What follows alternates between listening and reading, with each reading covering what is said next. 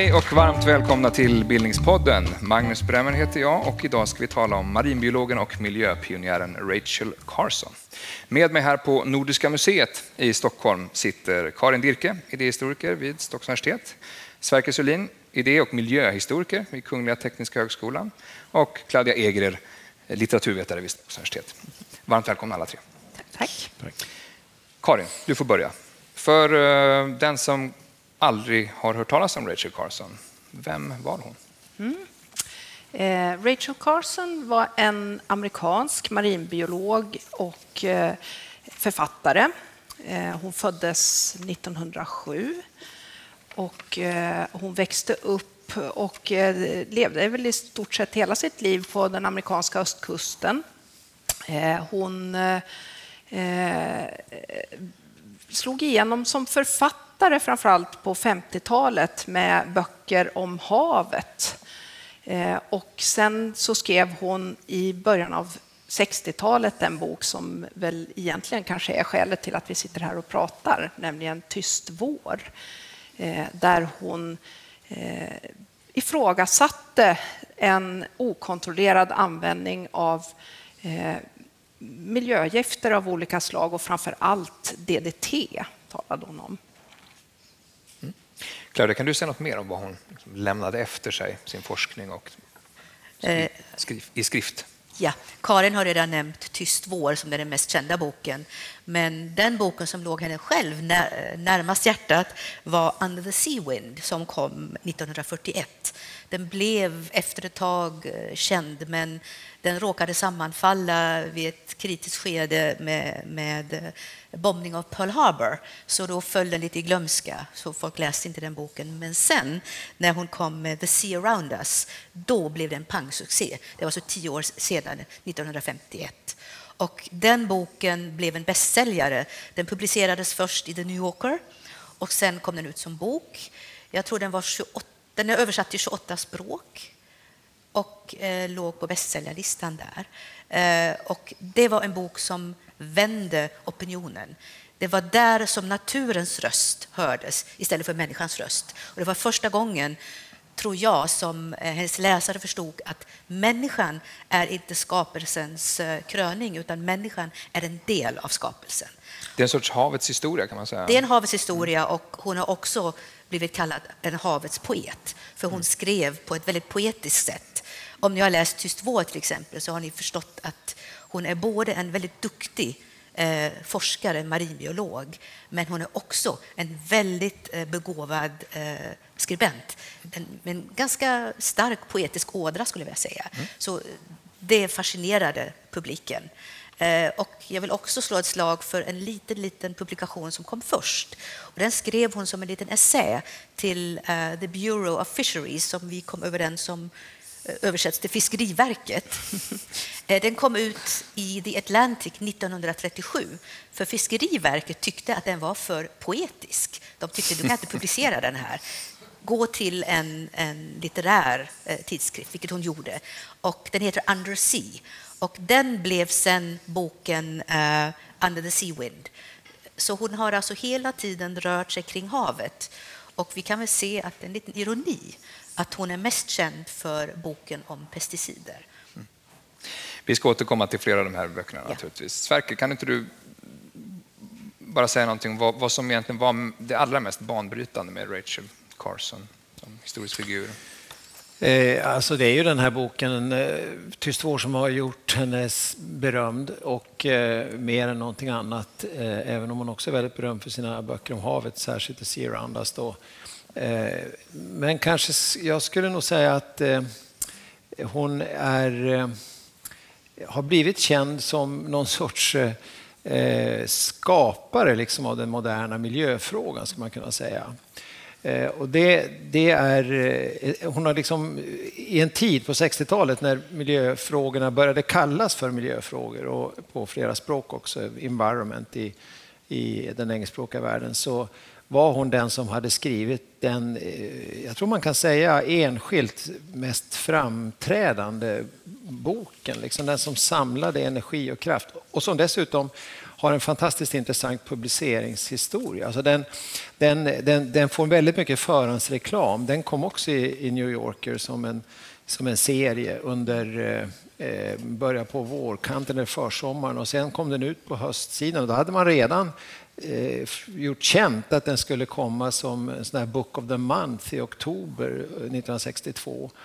Och, eh, så liksom, det var ena vågen av uppmärksamhet efter den andra. Och så kemiindustrin då, som tidigt anade oråd när den här boken kom på tal och började protestera redan innan den var utgiven mot utgivningen och började liksom undersöka möjligheterna att stämma henne. Och, Eh, jagade liksom efter henne och försökte förringa hennes ställning. Så att det, det, det, det är liksom flera lager här. Det är dels är det texten med alla dess olika kvaliteter där hon ju inte bara är poet utan också debattör och driver väldigt hårt liksom en fråga. Eh, men eh, sen är det också den här publicerings för, förhandsreklamen för boken och sen är det då de enorma utbrotten av medial uppmärksamhet. Så kombinationen av, eh, av, att vara poet, forskare och ja. medial figur? Precis, allt det där överlagras i ett, i ett, moment dessutom när miljöfrågan höll på att liksom uppstå. Den var inte ny då, hon mm. skapade den inte. Men, så det tycker jag är det stora bidraget. Och dessutom var hon döende i cancer vilket gjorde att hon liksom, allt det där kom på en gång. Vi ska prata mer om det där ögonblicket i miljörörelsens historia. Mer. Va, eh, Karin, vad fascineras du mest av med Rachel Carson? Det är väldigt mycket hennes språk hennes sätt att både liksom, hon, hon uttrycker sig på ett sätt där hon eh, både uttrycker en idé om vikten av att ta in en helhet och att, att tänka som en helhet. Och samtidigt skriver hon ju precis på det sättet. Använder politik och poesi och eh, aktivism och all forskning. Alla de här delarna sammansätter hon i sitt sätt att skriva. Så det skulle jag säga är kanske det som är det bästa med henne, tycker jag. Claudia. Mm. och hon hade också ett sätt att använda ord så att de betyder någonting. När alla pratade om pesticider så sa hon nej, det är inte pesticider det rör sig om, det är biocider. De dödar allt liv. För vad hon visar i boken var ju just att eh, när man sprayar DDT så lyckas man oftast inte att döda insekterna för de blir resistenta. Men man dödar djur, människor, cancerformer uppstår. Så jag är fascinerad av att hon var så duktig på att verkligen sätta punkten mm. på var, varför det är så viktigt att vi inte har de här biociderna. Det är besprutningsmedel. Det är besprutningsmedel, mm. ja. Finns det tillfällen i dagens debatt då ni känner att ni, ni tänker på Rachel Carson eller kanske saknar Rachel Carson? Mm. Ja, Greta Thunberg. Jag tycker det finns paralleller där faktiskt.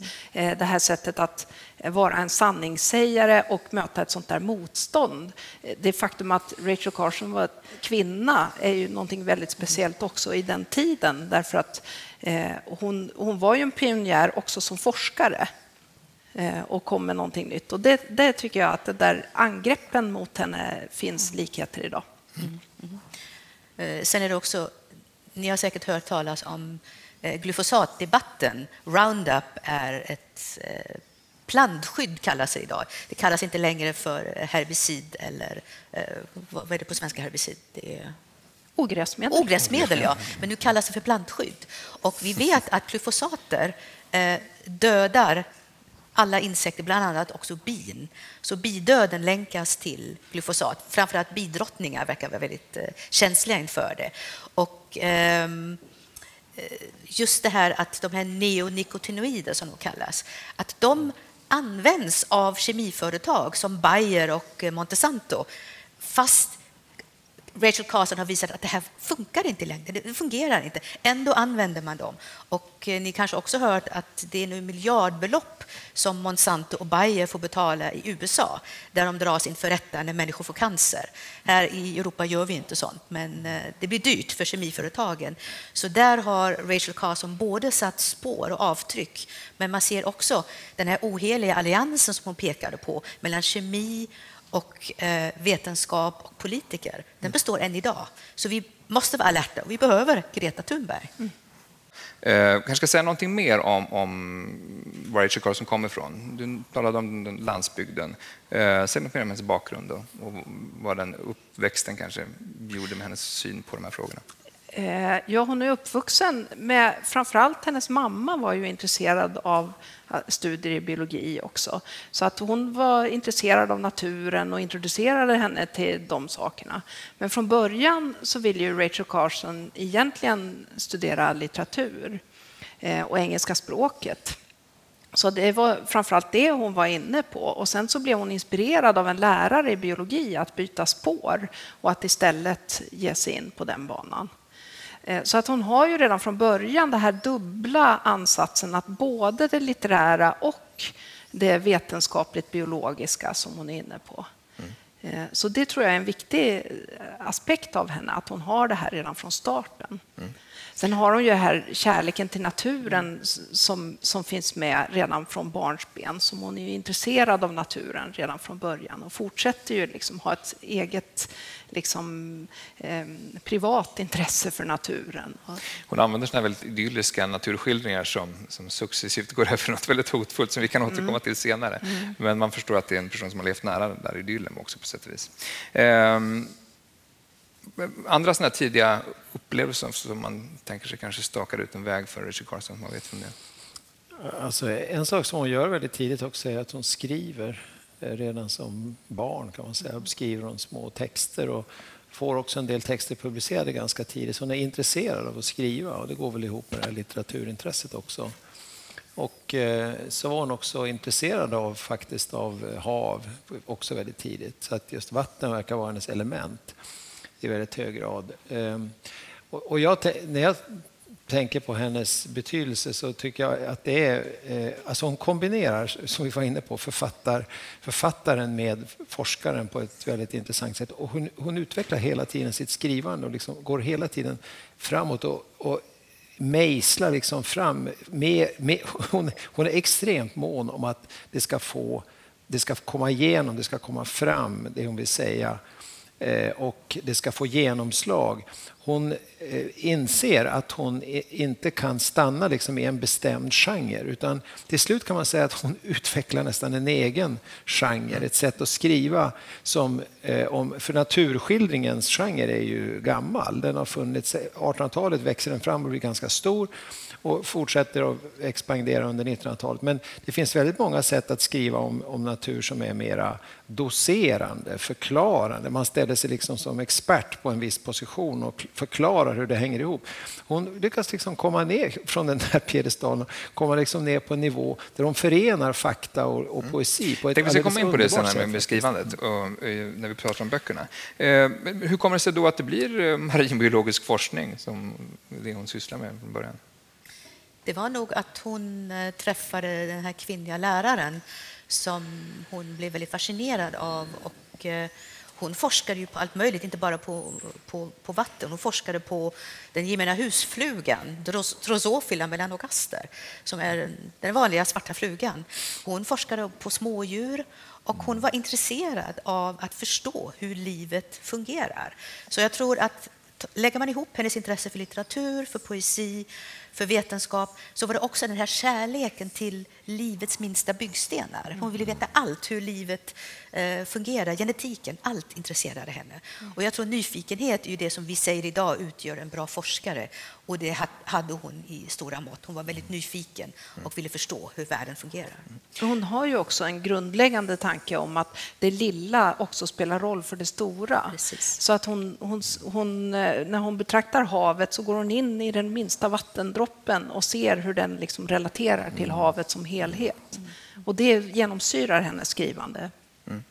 Hon, hon, hon, också, hon, rör sig väldigt mycket på, på rätt nivå kan man säga. När, för sin mastersuppsats så jobbar hon med Raymond Pearl som är en ledande forskare, absolut världsledande forskare. Och eh, på samma sätt den här Bigelow som är viktig för henne när hon liksom senare skriver Eh, sina havsböcker och så. så att, jag tror att det gav också en, en trygghet, en känsla av att hon, hon, visste, hon kunde, visste vad hon pratade om därför att hon jobbade också med de ledande forskarna på olika områden. Mm.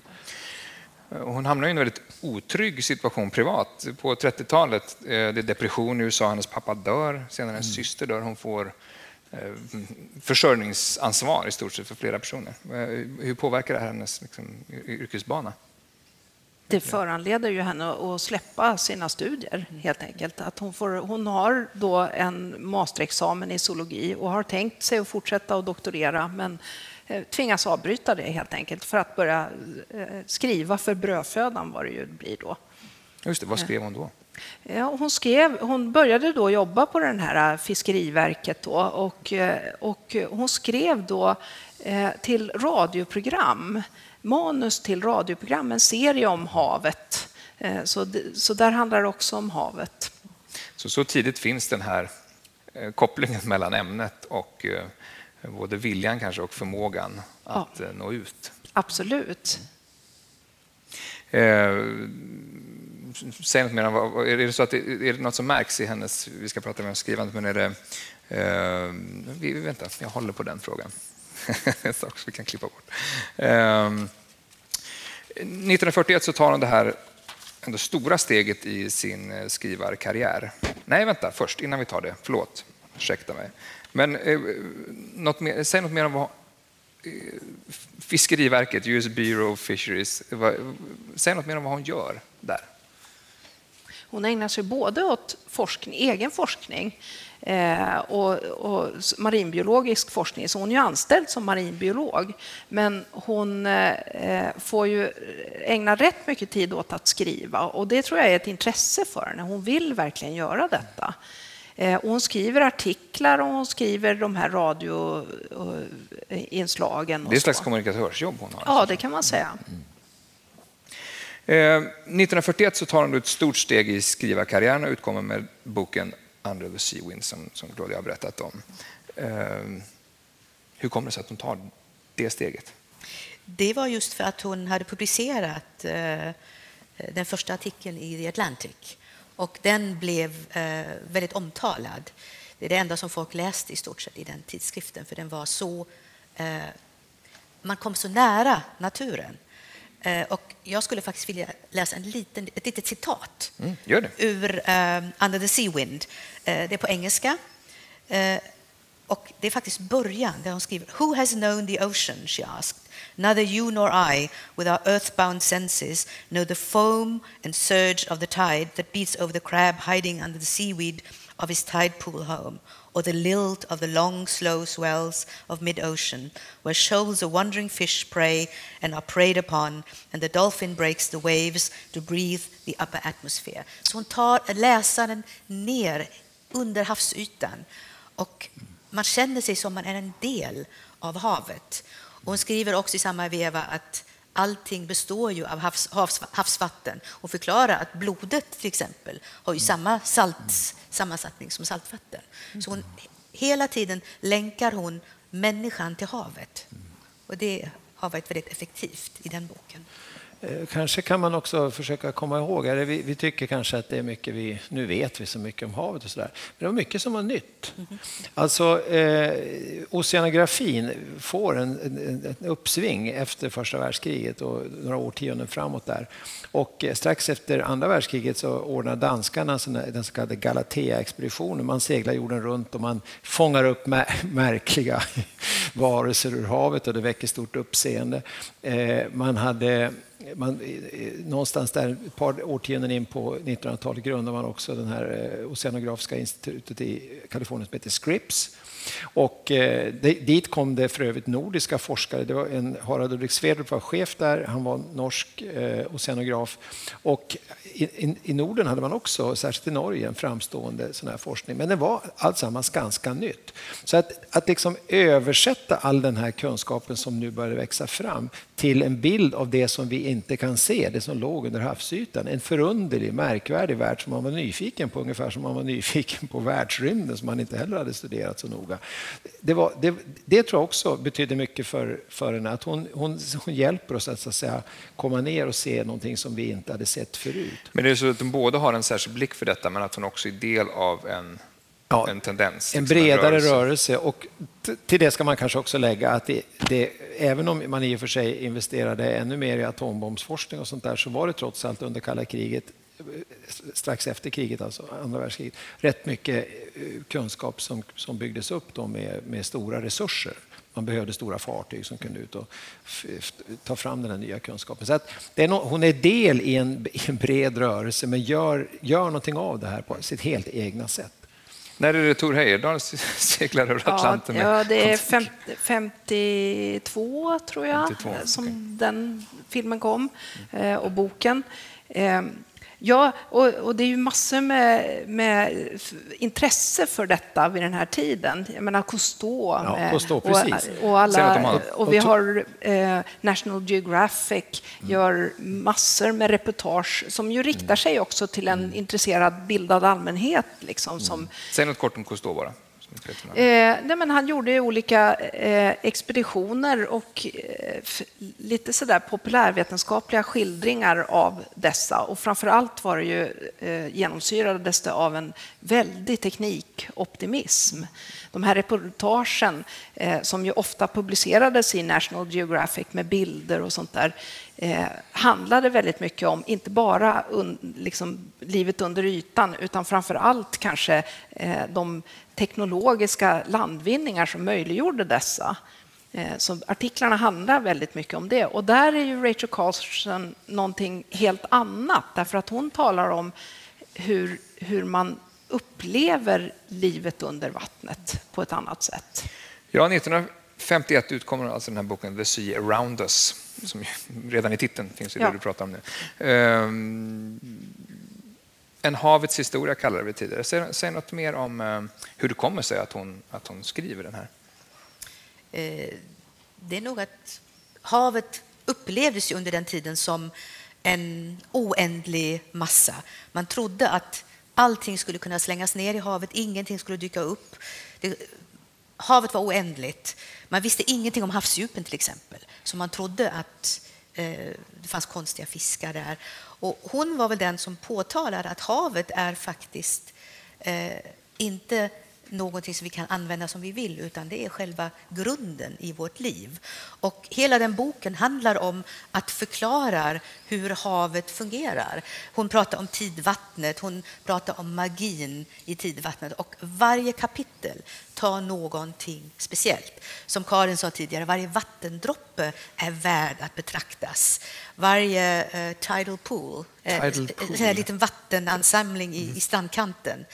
Mm. Uh, när man har tidvatten så brukar det vara kvar lite vatten på stranden och där finns det små djur. Det var värt att betrakta och titta på. Så hon gick väldigt nära. Så när andra pratade om stora idéer så tittade hon på det lilla och sa men titta det här är viktigt, det här måste vi förstå. Vi kan inte förstå det stora om vi inte också förstår det lilla. Mm.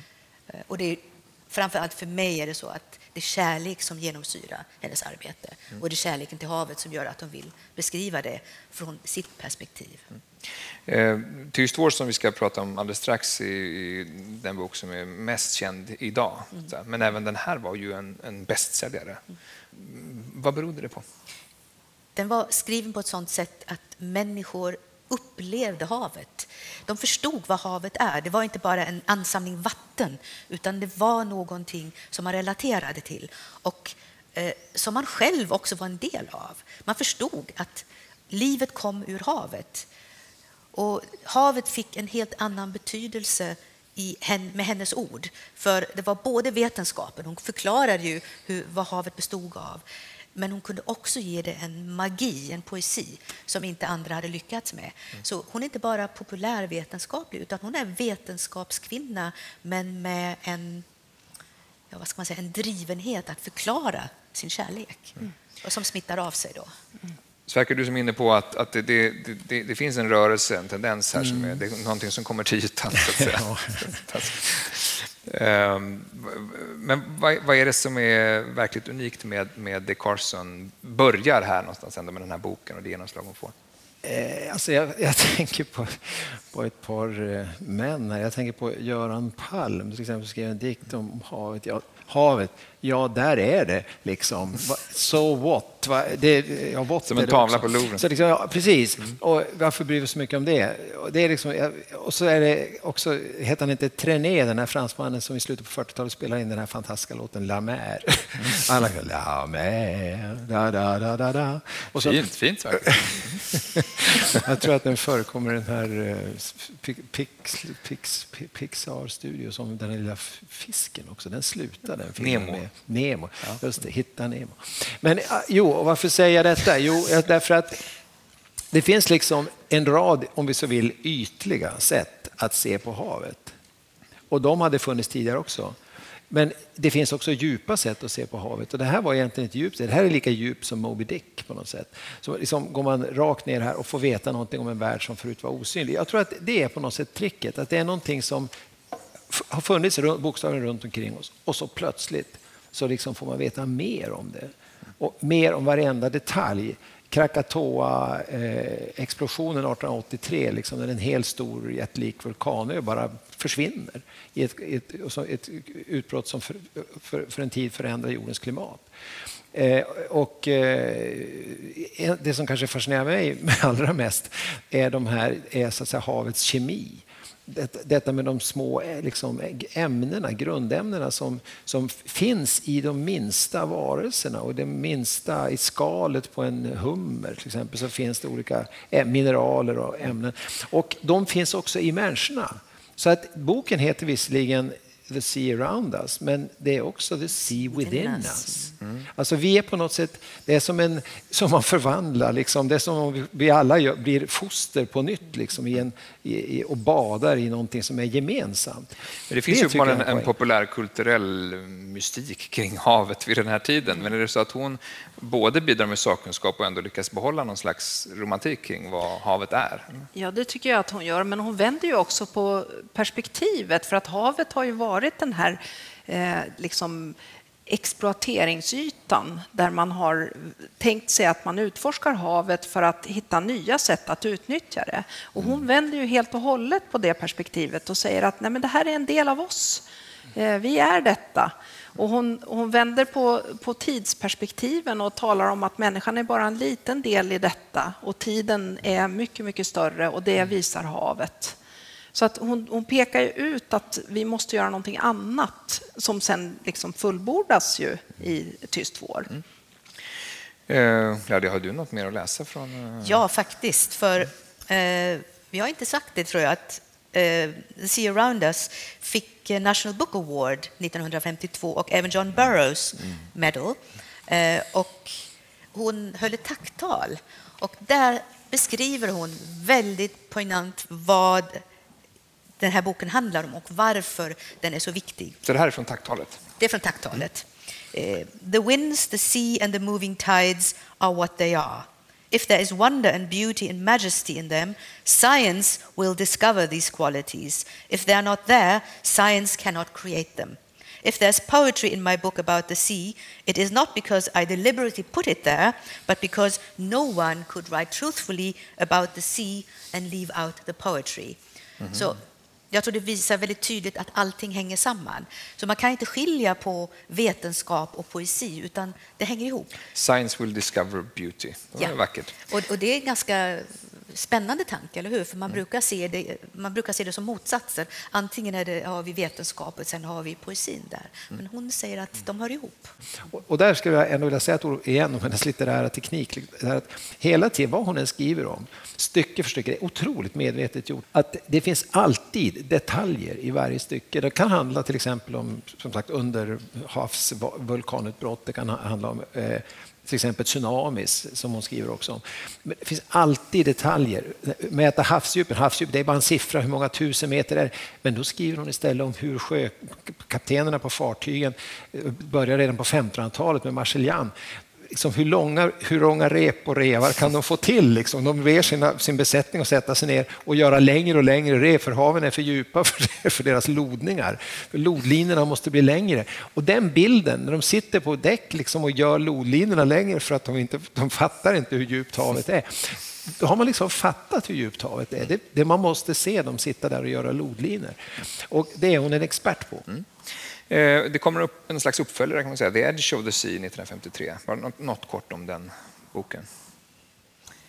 Den föll lite mellan raderna där.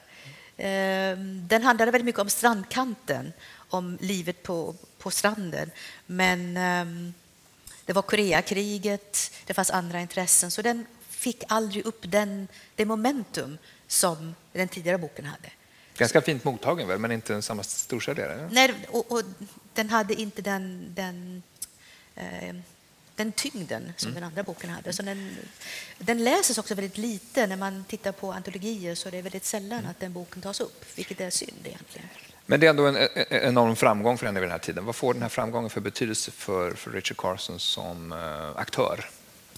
Hon blir ekonomiskt oberoende. Mm. Yeah. och hon kan helt övergå till att börja skriva. Hon kan säga upp sig från sitt jobb på det här Fiskeriverket och eh, ägna tid också åt eh, andra släktingar och små barn som hon får ta hand om och så där. Hon får inga barn själv. Men, men, och, och, och dessutom så kan hon, eh, ja hon får tid. Hon, hon blir också tidvis sjuk lite senare på 50-talet och det är saker som, det här med att ta hand om människor tar också tid och det håller henne tillbaka. Men hon kan liksom fortsätta sitt arbete i kraft av sin stigande förmögenhet från, från de här böckerna. Sen eh, en sak som man inte ska förbigå när det gäller henne det är att hon, eh, hon eh, hon, hon träffar en... Ja, hon, hon, flyttar till Maine. Jag vet inte om hon varaktigt flyttar dit, men hon skaffar sig någon form av egendom där. Och där finns det en kvinna som heter Dorothy Freeman som, som liksom välkomnar henne till trakten och så där. Och de blir vänner och mer än så. De får liksom en väldigt tät eh, vänskap som eh, biograferna skriver en del om och försöker uttolka. Och så där. Och de det finns en väldig massa brev. Det finns en väldig massa brev. Ja. De är utgivna, delar av dem, en del av dem är med avsikt förstörda av författarna till breven. Eh, och det är en, jag måste säga att det är bland det häftigaste man kan läsa av Richard Carson. Mm. Det är gripande, rörande, oerhörda brev om, om, om, om eh, ja, om kärlek kan man säga. Utan att vi till fullo kanske förstår innebörden av deras relation så, så är, det, är det väldigt eh, passionerade och intensiva brev. Så, och, och man kan också notera att kärlek är också ett ord hon använder när hon talar om sin relation till, till havet och till naturen. Alltså det, det är en på många sätt en passionerad människa. Jag tycker det är särskilt fascinerande med henne är att hon förenar den här enorma omsorgen om vetenskapen och tron på vetenskapen. Det står inte på något sätt i strid med känslorna. Hon är verkligen en, en hängiven person och det tror jag också är hemligheten bakom att hon är så bra på att skriva. Mm. Det är, nio år efter den här The Edge of the Sea så, så, så utkommer alltså Tyst vår och, och, och som, som verkligen tar sig an den här besprutnings frågan, besprutningsindustrin. Ehm, hur kommer hon in på det spåret? Det är ändå några år däremellan. Hon eh, blev inspirerad även där av ett par kvinnor kan man säga. Det var dels hennes förläggare tror jag som, som satte henne på spåret och eh, påtalade att det, det besprutningar av, eh, jag tror det var det mygg, myggor förstås, mm som man besprutade, eh, som orsakade en massa problem. Och man hade bland annat hittat problem på försöksdjur som man hade testat då med de här medlen som fick allehanda hälsoproblem. Och då noterade hon att eh, industrin försökte motverka att det här skulle komma ut. Och det tror jag faktiskt är lite av en trigger här, för att det är ju det som blir verkligen huvudsaken sen i tyst vård, den här oheliga alliansen mellan industrin och, eh, och eh, vetenskapen. Mm. Den här som, framstegsoptimismen som ni pratade om tidigare, ja. den här är någonting som eh, ja. ett problem? Ja, men det är inte bara framstegsoptimismen utan det är ju också industrin, alltså kapitalismen egentligen, mm. som hon angriper fast på ett väldigt subtilt sätt. Något som är viktigt att komma ihåg i det här sammanhanget är att DDT utvecklas under kriget men sen användes den efter kriget i civilsamhället utan att man hade utfört några tester. Det var så helt oprövat ja. på människor. Och när man spred de här enorma mängder gift om ni sett eh, filmen North by Northwest eh, Hitchcock. Hitchcock ja. När, då ser ni Cary Grant, är det, tror jag, när han flyr genom de här fälten. Då kommer flygplanet och han kastar sig ner och så sprayar de, och det är DDT de sprayar. Och jag tänker alltid på den filmen när jag tänker på DDT, för det var så typiskt att man sprayade väldigt stora ytor utan att ha ett hum om vad som skulle hända. Och det var det som du säger fick igång henne, att hon såg att här måste någon ingripa. Så hon var verkligen en visselblåsare av stora rang där. Ja, Claudia, du, du måste nästan läsa igen. Kan inte du läsa inledningen till Silent Spring? Ehm, det, det, det, eh, det är ju som en, en, en prolog där som är, är kanske lite lilla- för lång att läsa i sin helhet, men du kanske kan, Ja, kanske kan läsa när det går från, det går från idyll till mörker. vad du hänvisar till är det som kallas för a fable for tomorrow. Och jag läser lite så kan vi ta resten på svenska. There was once a town in the heart of America where all life seemed to live in harmony with its surroundings. The town lay in the midst of a checkerboard of prosperous farms with fields of grain and hillsides of orchards where in spring white clouds of bloom drifted among the green fields. In autumn, oak and maple and birch set up a blaze of color that flamed and flickered across a backdrop of pines. Then foxes barked in the hills and deer silently crossed the fields, half hidden in the mists of the fall mornings. Och så flyttar jag fram lite. Then a strange plight crept over the area and everything began to change. Some evil spell had settled on the community. Mysterious maladies swept the flocks of chickens, the cattle and sheep sickened and died. Everywhere was the shadow of death. It was a spring without voices. Så här får vi en liten historia som handlar, en liten berättelse som handlar om ett ganska typiskt samhälle i USA. Väldigt likt det samhället hon själv växte upp i. Och helt plötsligt händer någonting och det blir en tyst vår. Fåglarna tystnar och djuren blir sjuka. Och vi förstår ju att det är det som boken kommer att handla om. Till och med eh, att människor dör. Människor dör, ja. Och det här är en väldigt effektiv, faktiskt litterär strategi. Att man börjar med någonting väldigt eh, vackert och så kommer det här smygande, lite uncanny, lite freudianska. Det som man inte vill veta som smyger sig in och förstör detta. Lite kusligt. Hitchcock över det hela också. Men eh, säg något om, om, om, Rachel Carson som berättare och kanske opinionsbildare då, i det här fallet. Ja, hon vet ju hur man eh, får igång människor. Hon vet hur man eh, får människor att reagera.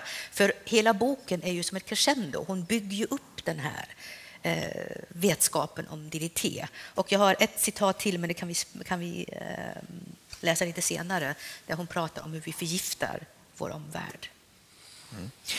Just det här motivet med, med tysta eh, fåglar. Ja. Det, finns ju litteraturhistorier och romantiska poeter. Det finns väl, Ja. det finns väl Hitchcock i stort sett också. ja, Jag ja. minns inte hur tysta Fåglarna, fåglarna, är. fåglarna är inte tysta. men det är något väldigt kusligt med den bilden. Ja, det är ju en klassisk bild och den, den, den har ju funnits som en trop liksom hos, i, i djurskyddsrörelsen sedan slutet av 1800-talet när man har talat i, väldigt mycket om småfåglar just. Småfåglarna får vara liksom sinnebilden för, för eh, den kärlek man känner till naturen och så När där. fåglarna tystnar.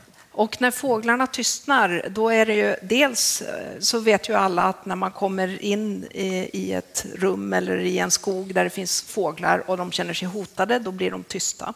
Så att fåglarnas tystnad signalerar att det är något hotfullt som kommer. Men det är också så att vi hör inte de fåglar som redan har tystnat, som är döda.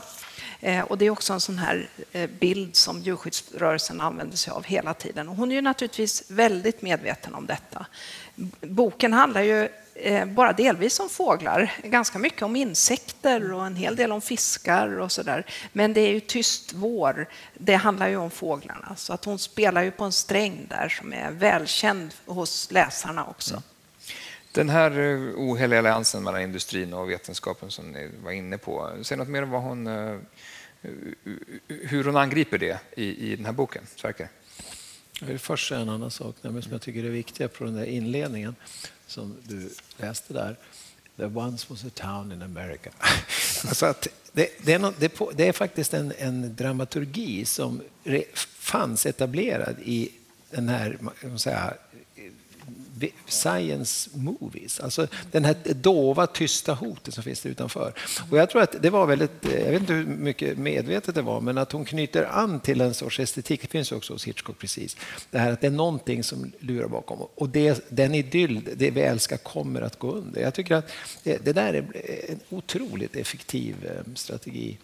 Eh, kemiindustrin, ja alltså eh, till att börja med så tog inte minst förlaget, men också hon själv, eh, denna industri på största allvar. Var, hon visste att det skulle bli en fiende, hon visste att den var eh, välutrustad och eh, välorganiserad. Så därför finns det en enorm omsorg nedlagd på varenda rad i boken the vetting process. Att liksom verkligen kolla fakta. Och dessutom hade hon gjort massor av intervjuer. Hon hade verkligen eh, finkammat eh, arkiven också och gått igenom eh, eh, fall där man hade undersökt de här eh, utsläppen. Och det var lokala fall. Alltså det, det, det, ligger väldigt mycket research bakom. Så att hon lämnar ingenting åt slumpen. Den är väldigt genomarbetad. och det visar sig vara väldigt nödvändigt motiverat. Därför att, och, eh, bolagen, eh, det är flera bolag som är inblandade, men ständigt detta DuPont som, som, eh, som förekommer. Det här är inte bara då, utan långt senare, ända idag också förekommer DuPonts kemister. Jag var på en kongress i USA för, förra året och huvudföredraget hölls av en jurist som hade nu vunnit ett långvarigt, en långvarig kamp just mot DuPonts eh, advokater och kemister och sådär. Det, det är ett ständigt återkommande krig. Men det här var på något sätt det stora genombrottet för den här typen av så att säga, miljökrigföring, kunde man säga, för the good cause. Säg något mer om reaktionerna, de omedelbara reaktionerna på bokens publicering. Det är lite blandat kan man väl säga egentligen. Eh, framförallt får hon ju väldig kritik från eh, industrin. Mm. Eh, men hon får ju också lite uppbackning. Och, eh, till exempel så, så inleds det ju en, en eh, undersökning som, som är liksom direkt från högsta ort. Det är presidenten själv, Kennedy, som, som eh, kallar henne till kongressen och de, de frågar ut henne om det här och så där. Eh, jag tror att han Eh, hon var ju verksam i, eh, som när hon eh, sysslade med sin forskning, så var hon verksam i Woods Hole som ligger på Cape Cod, som inte alls är långt ifrån där Kennedys, Kennedy-klanen hade sitt sommarresidens på Martha's Vineyard. Så det är samma hav som hon talar om som han också har upplevt. Och det gör säkert också att det tar skruv detta när hon sen, för hon var ju redan känd då för sin havsbok. Men det är också ganska grova påhopp. Är det inte USAs jordbruksminister eller motsvarande som, som mm. säger att hon är... Varför är en ogift nucka eh, så mm. intresserad av genetik? Mm. Det, är något, det, är grova sexistiska påhopp som kommer mm. från ja, också verkligen. hög ort uppenbarligen. Verkligen. Ja, någon annan före detta minister som skriver till presidenten och säger så här, om jag minns rätt, att hon är ju en ogift kvinna det är mycket konstigt. Hon är ju ändå fysiskt attraktiv. Hon måste vara kommunist. Ja. jag, jag, jag tycker det är en sorts slutledning som är rätt eh, intressant. Ja, det, är, intressant.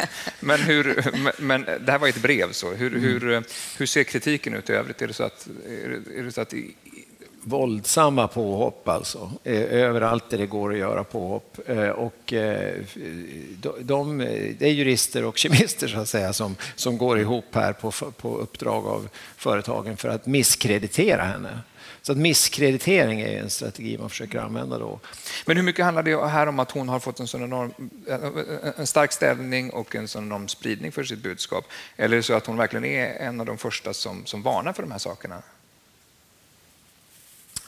Eh, kanske inte först, det, det, skulle jag inte vilja gå så långt som att säga. Men, men att, eh, att det är det tidiga, ett tidigt stort genombrott för den här typen av fråga. Mm. Alltså att man uppmärksammar föroreningar och även kemikalier och så, där man håller på med flera årtionden tidigare. Men det, liksom att frågan får, får den här liksom framingen som den får här. Eh, och att hon får rollen av liksom, eh, en sorts... Ja, hon blir så småningom en hjälte kan man säga. Det, hand, det, handlar väl också om hennes effektivitet, hennes sätt att skriva. Att hon, även industrin förstår ju att det här får genomslag. Ja. Hon, hon, blir ju liksom ett, ett, ett, slag i magen på dem, verkligen. Jo, en sak till kanske som man inte kan förbigå här. Den mediala uppmärksamheten den är ju bred och stor och så där som vi redan varit inne på. Men Walter Cronkite, den stora liksom, eh, tv-personligheten på CBS, får eh, henne då till sin studio och gör den här, en klassisk intervju med henne. Då är hon märkt av sjukdom, liksom svag. hon är döende i cancer. Ja, precis. Och, och eh, det, liksom, det, det, det som kommer från Cronkites studio, det går rakt ut. Det, det blir, liksom, om inte sanningen så i alla fall, det som är etablerad kunskap för medelamerikanen. Det är inte något esoteriskt som sker på sidan, det är mainstream. Liksom. Så, så, det har jättestor betydelse hur hon mottas av medierna. Det fanns även kollegor till henne som kritiserade. Det fanns en Newsweek-journalist som hon skulle samarbeta med tidigare om ett projekt, men hon, det som så småningom blev boken, hon gjorde den på egen hand. Han blev ju förbannad och mm. skrev också en otroligt elak recension. Det kom kritiska kommentarer även för, från, på själva boken. Men med tiden så vaskas den fram och, fram, och så blir den översatt till massor med språk. Mm. Det, hon, hon dör ju då ja, bara 60, två år efter att boken publiceras, 1964. Eh, men boken blir betraktad som en milstolpe i liksom, miljörörelsens framväxt. Mm. Eh, säg något mer om hur, hur den blir det och vad som så att säga, händer efter. Om vi tittar på USA så kan vi se att året 1963 så eh, fick de igenom en Clean Air Act. Året efter en Wilderness Act.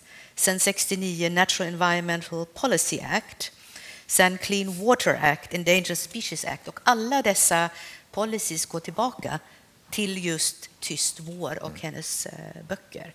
Så den enorma genomslagskraften. Och Sverker nämnde tv-uppträdanden. Hon mötte en CEO från ett stort eh, kemistföretag som attackerade henne å det grövsta. Och han sa, vill du verkligen få oss att förstå eller tro att naturen har en balans? När vi mm. vet, vi vetenskapsmän vet, att vi står över naturen. Vi behärskar och kontrollerar mm. naturen. Vet ni vad hon svarade? Ja, om ni tror det, om ni tror att alla tror på detta, då kan ni lika gärna säga att uh, the law of gravity, gravitetslagen, inte finns. Mm. Så hon slog tillbaka med vetenskapen. Så de var ganska oförskämda mot henne på många sätt, nedlåtande. Eh, och jag tror en stor fara som hon utgjorde var också eh, någonting som kanske inte är så ovanligt idag, men som kändes som en revolution då. Att människan inte var central, att människan inte var den som kontrollerade allt, utan att människan var del i en större helhet och var beroende av den. Det var ju det hon visar. Du pekar ju på, på flera väldigt imponerande konkreta effekter av mm. publiceringen av en bok som, som, som ju på bara ett år tror jag sålde över en miljon exemplar. Och sånt där. Men är det så att på, på vilka andra sätt inspirerade hon till den här medvetenheten? Du menar miljörörelsen? Ja. ja. Den skulle nog inte se ut så som den gör idag. Ehm, det här var på 60-talet och det tog enorm fart. Eh, har ni några, några mer konkreta exempel? Ja, men också, jag tänker på att hon också väldigt eh, tydligt flyttar ner den här frågan till allmänheten. Okay, ja. hon flyttar den från experterna, under, om man lite enkelt och slängigt säger att under 50-talet så fanns det liksom en idé om att experterna tar hand om det här. De kommer att lösa de här sakerna åt oss och vi litar på dem. Men hon talar om att nej, eh, vi har blivit lurade här. Vi, vi måste kunna de här sakerna själva, vi måste förstå de här sakerna själva och jag berättar för er hur ni ska göra. Och det är på det sättet hon, hon når ut till allmänheten. Hon flyttar frågan till allmänheten. Ja, hon gör ju också upprördheten legitim liksom, med sitt sätt att agera. Eh, samtidigt, eh, hon hade en jättestor betydelse som inspiratör och den här boken fick en enorm spridning. Den var liksom, det var något katalytiskt över det hela. Det fanns mycket som rörde sig i tiden och så säger hon det på rätt sätt och det får en väldigt genomslag. Men det är viktigt att se att den är inte på inget sätt ensam. Det, det sker en väldig massa saker kring liksom miljöns framväxt som fråga. Eh, eh och det sker inom flera vetenskapsområden och det hade skett också under, under hela efterkrigstiden. Jag har nämnt kalla kriget tidigare, jag vill nämna det igen. Det är väldigt mycket forskning som behövs liksom för att skapa liksom en kunskapsunderbyggnad. Och det är väldigt många, eh, så, eh, också inom vetenskapen, nu framstår ju kemisterna här som liksom snarast motståndare till miljön. De blir, många kemister går ju snart i spetsen för miljörörelsen och för miljöfrågorna. Alla är så att säga inte hyrda av industrin. Eh, så att det, jag skulle vilja liksom beskriva det så att hon, hon kommer med sitt budskap och sin litterära förmåga och liksom gör precis rätt sak vid rätt tidpunkt. Men det hade inte gått att göra om inte det hade funnits en väldig massa uppbyggnad runt omkring tidigare. Eh, och eh, konferenser om miljön på 50-talet och Eh, Eh, i viss mån också redan då en del växande insikt om att klimatet var påverkat av människan. Det har liksom börjat komma upp under 50-talet och växte ganska snabbt under, under för, första halvan av 60-talet eh, bland forskarkretsar. Så att, och, och naturligtvis ekologin som, som växte som vetenskap och som fick en stor betydelse för, för ansvar. Presidenten, eh, särskilt Lyndon Johnson, satte till olika kommissioner för att man skulle uppmärksamma miljöfrågorna. Även urban miljö började diskuteras. Så att mycket av det vi sen känner igen som det liksom bredare panoramat för miljöfrågor var, var i rörelse. Eh, Men hon, hon, hon frontar hon, den här rörelsen? Hon frontar den, hon ger den ett ansikte och en röst. Hon ger den också, skulle jag vilja säga, en kropp en fragil liksom, eh, kropp som, som framträder lite grann i Cronkite-intervjun och så där, som ett membran, en, ö, en väldig känslighet för vad som pågår. Det tror jag är väldigt viktigt. Oavsett om man nu är högstadieelev, eller politiker eller forskare, oavsett vem som lyssnar på det här samtalet. Eh, hur skulle ni säga att man bäst verkar i Rachel Carsons anda idag, i vårt samhälle? Ja. Nej, men jag tänker återigen på Greta Thunberg, som jag tycker är en bra parallell. Eh, därför att jag tycker också att Rachel Carson, eh, och det har vi återkommit till också, hon var kvinna i ett, eh, ett manssamhälle, får man väl säga. Eh, och eh, pekade på att det som är intressant här är ju kunskapen, inte den kropp som framför den, så att säga. Utan det är det alltså, och det är ju samma sak som Greta Thunberg försöker säga. Så, så, där finns det eh, någonting att ta fasta på, tänker jag. Men också det här att man kanske inser att man själv har en agens. Man behöver inte vänta på att andra människor, säg eh, politiker, tar saken i, i, deras händer, utan att vi själva kan börja. Alla kan inte vara en Greta Thunberg, alla kan inte skolstrejka, men vi alla kan göra någonting. Och jag tror det man får väldigt tydligt med sig, vilken bok man än läser av Rachel Carson, så är det att vi själva är inte offer, vi kan göra någonting. Och jag tror just den här medvetenheten, att vi själva har möjligheten att förändra saker, eh, är väldigt viktigt. För i undervisning så träffar jag många studenter som just har klimatångest. Och jag vill bara säga några ord om en kurs som Stockholms universitet har som heter Climate Change Solutions som handlar precis om att det finns lösningar, att man inte måste bara leva med sin ångest utan att man kan göra saker. Och Det tror jag är viktigt att tänka på, att individen är stark och att många individer tillsammans blir en grupp som kan göra saker. Det kan bli en väg in i en forskarkarriär också. Ja, det kan det bli. Säkert. Eh, jag skulle nog vända tillbaka till henne som författare. Att eh, utan berättelser som bär och fungerar och når fram så så blir det, så blir det ingenting. och, och också att fakta är ju jättebra, de ska vara korrekta och sådär, men, men fakta räcker inte. Fakta måste liksom sättas in i ett sammanhang där vi blir rörda. Jag tror att man måste bli rörd vid för att kunna göra någonting. För att man ska känna att man vill, intressera sig för solutions till exempel. Mm. Eller för att man vill, vill fronta eller liksom engagera sig så måste det, man måste bli rörd. Det tycker jag hon visar. Och det tror jag också är hemligheten bakom hela hennes gärning. Liksom att hon, hon klarar det där. Det fanns massor med forskare som visste lika mycket som hon om olika aspekter på havet och så småningom på, på de här kemikalierna. Men det är hon som klarar av att liksom göra det här till, till, till ord som No, som träffar människor. Den skulle inte sälja en miljon exemplar den där boken och mer än så om det inte var så att man drabbas. Man måste drabbas. Det får bli vårt samtals sista ord. Tusen tack ni som har lyssnat på detta, alla ni som kom hit ikväll och framförallt tack till Claudia Egerer, Karin Dirke och Sverker Sörlin.